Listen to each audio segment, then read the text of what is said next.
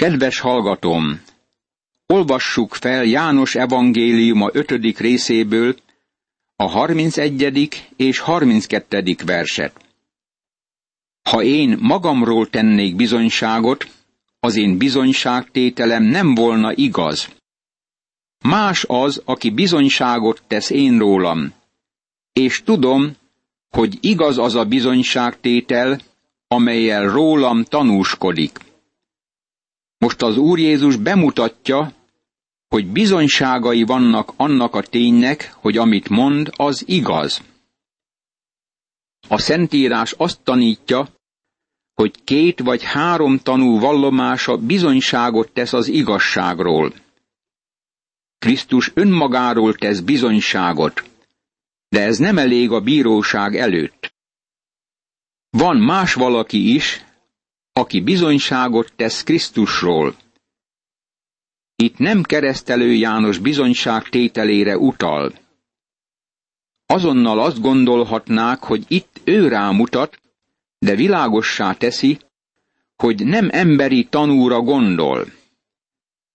Ti elküldtetek Jánoshoz, és ő bizonyságot tett az igazságról. János evangéliuma, 5. rész, 33. vers. Azt mondja, hogy keresztelő János bizonyságot tett róla. Ő az egyik bizonyságtevő, akit ismertek. De itt egy másik, nem emberi bizonyságtevőre utal, hogy meglegyen a két bizonyságtevő az igazság bizonyítására. Én azonban nem embertől kapom a bizonyságtételt, hanem azért mondom ezeket, hogy ti üdvözüljetek. János evangéliuma, 5. rész, 34. vers. Azt állítja, hogy nagyobb bizonyságtevője van, mint emberi bizonyságtevő. Mégis bizonyságot tesz keresztelő Jánosról. Jánost világító fákjának nevezi. Jézus a világosság. János az ő bizonyságtevője, lámpahordozója vagy lámpása. Ő volt az égő és világító fákja. De ti csak egy ideig akartatok az ő világosságában örvendezni. Nekem azonban Jánosénál nagyobb bizonyságtételem van. Mert a feladatok, amelyeket az atya rám bízott, hogy teljesítsem azokat, tehát azok a cselekedetek, amelyeket elvégzek, maguk tesznek bizonyságot arról, hogy engem az Atya küldött el. János evangéliuma, 5. rész, 35. és 36. vers. Itt látjuk, hogy az Úr Jézus Krisztusról bizonyságot tettek az általa véghez vitt csodák. Ma az a felfogás terjedt el, hogy egyeseknek ugyanolyan hatalmuk van, mint Jézusnak volt, ami véleményem szerint Isten káromlás. Ezek a csodák, amelyeket Jézus vitt véghez, bizonyították, hogy ő az volt, akinek hirdette önmagát. Barátom, nála nem csak néhány gyógyítási esetről van szó. Ő nem rendezett gyógyító istentiszteleteket. Ő nem fogadott el adományokat. Nem kérte, hogy az emberek sort alkotva menjenek hozzá. Kiment a tömegbe, a mellékutakra és a sikátorokba. És amint haladt az útján, az emberek meggyógyultak. Felhívtam már erre a figyelmet az evangéliumok magyarázatánál ismételten, és fontos felfrissítenünk emlékeinket ezzel kapcsolatban. Nem csak fél tucat, nem csak száz, nem csak kétszáz ember gyógyult meg. Szó szerint emberek ezrei nyerték vissza egészségüket. Ez nyilvánvalóvá lett mindenki előtt. Abban a korban ezt a tényt senki sem tette kétségessé, mert balgának tekintették volna, ha ezt tette volna bárki. Csak nem kétezer év telt el, hogy több ezer kilométernyi távolságban a tudósok leültek, és könyveket írtak annak kijelentésével, hogy nem hiszik, hogy Jézus csodákat vitt véghez. Ez azonban semmit sem bizonyít. Csodái az ő bizonyságtevői voltak. Munkája tett arról bizonyságot, hogy az atya küldte őt. De az atya is, aki elküldött engem, bizonyságot tett rólam. Az ő hangját nem hallottátok soha, arcát sem láttátok. Ti azért kutatjátok az írásokat, mert azt gondoljátok, hogy azokban van az örök életetek, pedig azok rólam tesznek bizonyságot. János evangéliuma, 5. rész, 37. és 39. vers. Ezt az utóbbi verset nagyon gyakran félreértik. Ez nem parancsoló mód, hanem kijelentő mód. Fogalmazzuk meg így. Ti kutatjátok a szentírásokat. Ezt Jézus kijelentésként mondja, és nem sürgeti őket valamire, amit meg kellene tenniük. Megmondja nekik, hogy kutatják a szentírásokat, és azt gondolják, hogy azokban megtalálják az örök életet. De nem értik, hogy a szentírás Jézusról tesz bizonyságot. Barátom, nagyon vigyázz rá, hogy megtaláld Jézust a Bibliában. Ha nem találod meg, akkor kutatásod hiába való. És mégsem akartok hozzám jönni, hogy életetek legyen. János evangéliuma, 5. rész, 40. vers. A Szentírás őróla beszél, de nem akarnak hozzá menni az emberek. Eltévesztik a legnagyobb igazságot. Rólatok viszont tudom, hogy nincs meg bennetek az Isten szeretete. Én az atyám nevében jöttem, mégsem fogadtatok be. Ha más a maga nevében jön, az befogadjátok. János evangéliuma, 5. rész, 42. és 43. vers. Egy napon megérkezik az Antikrisztus, és a világ elfogadja őt. Elutasították Krisztust. Amikor az Antikrisztus megérkezik a maga nevében, képet csináltat önmagáról, és elfogadják az emberek. Hogyan tudnátok hinni ti, akik egymástól fogadtok el dicsőséget, de azt a dicsőséget, amely az egy Istentől van, nem keresitek. János evangéliuma, 5. rész, 44. vers. Az emberek elismerését keresték. Manapság is erre vágynak az emberek gyülekezeteinkben, még az úgynevezett jó gyülekezetekben is. Vannak tanítók, akiknek viszket a fülük, egymás elismerését keresik, és nem Isten igéjének igazságát. Nem azt a tisztességet keresik, amely az egy Istentől van. Ne gondoljátok, hogy én foglak vádolni benneteket az atyánál. Van, aki vádol benneteket, Mózes, akiben ti reménykedtek. Mert ha hinnétek Mózesnek, hinnétek nekem, mert én rólam írt ő. Ha pedig az ő írásainak nem hisztek, akkor az én beszédeimnek hogyan hinnétek? János evangéliuma 5. rész, 45., 46. és 47. vers. Barátom, ez nagyon fontos. Mózes könyveiben, amiket mostanában magyaráztam, igyekeztem rámutatni az Úr Jézusra. Jól lehet, nem találtam meg őt minden egyes oldalon, azt hiszem, hogy ott van Mózes könyveinek minden egyes oldalán. Ő mondja, Mózes én rólam írt. Azt hiszem, ő ott van a Biblia minden lapján. Amikor valaki támadni kezdi az Ószövetséget, óvakodj tőle. Valójában alattomosan az Úr Jézus Krisztus támadja. Attól tartok, hogy sokan vannak, akik nagyon balga módon kezdik kétségbe vonni az Ószövetséget, és nem döbbennek rá, hogy mit csinálnak. Ez olyan, mint egy elmebeteg intézet lakója, aki kezdte kiásni a fundamentumot. Valaki odament hozzá, és megkérdezte tőle, hogy miért próbálja kiásni a fundamentumot. Nem az épületben lakik? De igen, válaszolta, én azonban a felső emeleten lakom. Attól tartok, hogy sok ostoba ember éppen ezt cselekszi, amikor így szól. De én az új szövetségben élek. Barátom, az Ószövetség az alap. Urunk mondta, ha nem hisztek az írásoknak, miként hisztek az én beszédeimnek? Ezek együtt járnak.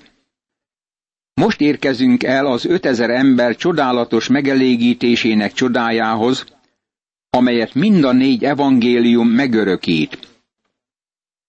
János evangéliuma szerint Jézus ezzel a csodával kapcsolatban beszélt az élet kenyeréről.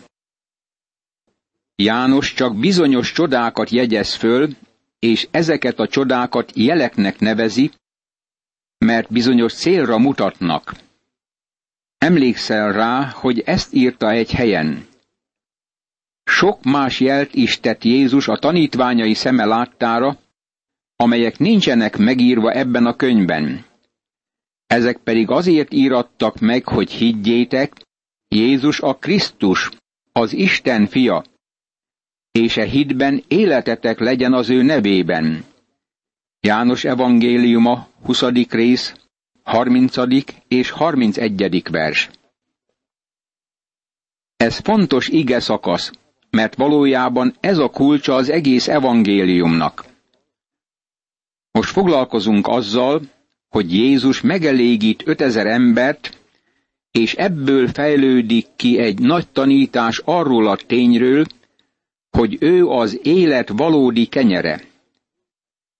Jézus ezután elment a Galileai tengernek, a Tiberiás tavának túlsó partjára.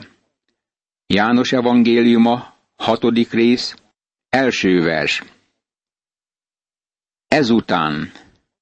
Mi után? Azok után az események után, amelyekről az ötödik fejezetben olvastunk. Távozott Jeruzsálemből, és valószínűleg a Jordán folyó keleti oldalára ment át. Most át kell a Galileai tengeren, és nyilvánvalóan az ország északi területére érkezik.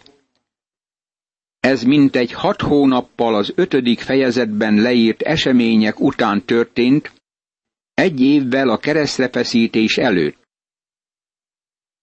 Ezeket az eseményeket János a már említett ünnepek szerint dátumozza. Ahogy mondtuk, János összekapcsolja az evangéliumot a naptárral és a térképpel. Aki a menny dicsőségéből jött, az az ige testé lett, és lesátorozott köztünk, járt kelt a Galileai tengernél, elment Kánába, Názáretbe, Kapernaumba, Betsaidába, Jeruzsálembe, a Dekapolisba és más helyekre. Ezért olvassuk, hogy Jézus ezután elment a Galileai tengernek, a Tiberiás tavának túlsó partjára. János ezt mondja. Közel volt a húsvét, a zsidók ünnepe. Nyilvánvalóan visszatért Galilea földjére, mert az ötödik fejezet szerint Jézus Jeruzsálemben volt, és odament a lyukkapuhoz. Ez jelzi az ötödik és hatodik fejezet közt eltelt időt, amikor átment a galileai tengeren. Nagy sokaság követte őt, mert látták azokat a jeleket, amelyeket a betegeken tett. János evangéliuma, hatodik rész, második vers. Az igeidő pontos, amikor így fordítják. És nagy tömeg követte őt, mert látták a jeleket. Ez a nagy tömeg valójában nem hitt benne, és nem bízott az Úrban. Csodái érdekelték őket. Azért akarták látni, mert egészséget nyertek tőle, de nem várták tőle a megváltást. Parátom, Jézus küldetése nem az volt, hogy helyreállítsa fizikai testünket. Ő a szívünk ura akar lenni. János ezért mondta már a kezdet-kezdetén, hogy nem volt szüksége arra, hogy bárki tanúskodjék az emberről, mert ő maga is tudta, hogy mi lakik az emberben.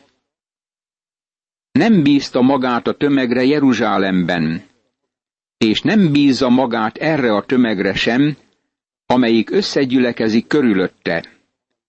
Egyszerűen csak a csodáit akarták látni. Jézus pedig felment a hegyre, és ott leült a tanítványaival együtt. János evangéliuma, hatodik rész, harmadik vers.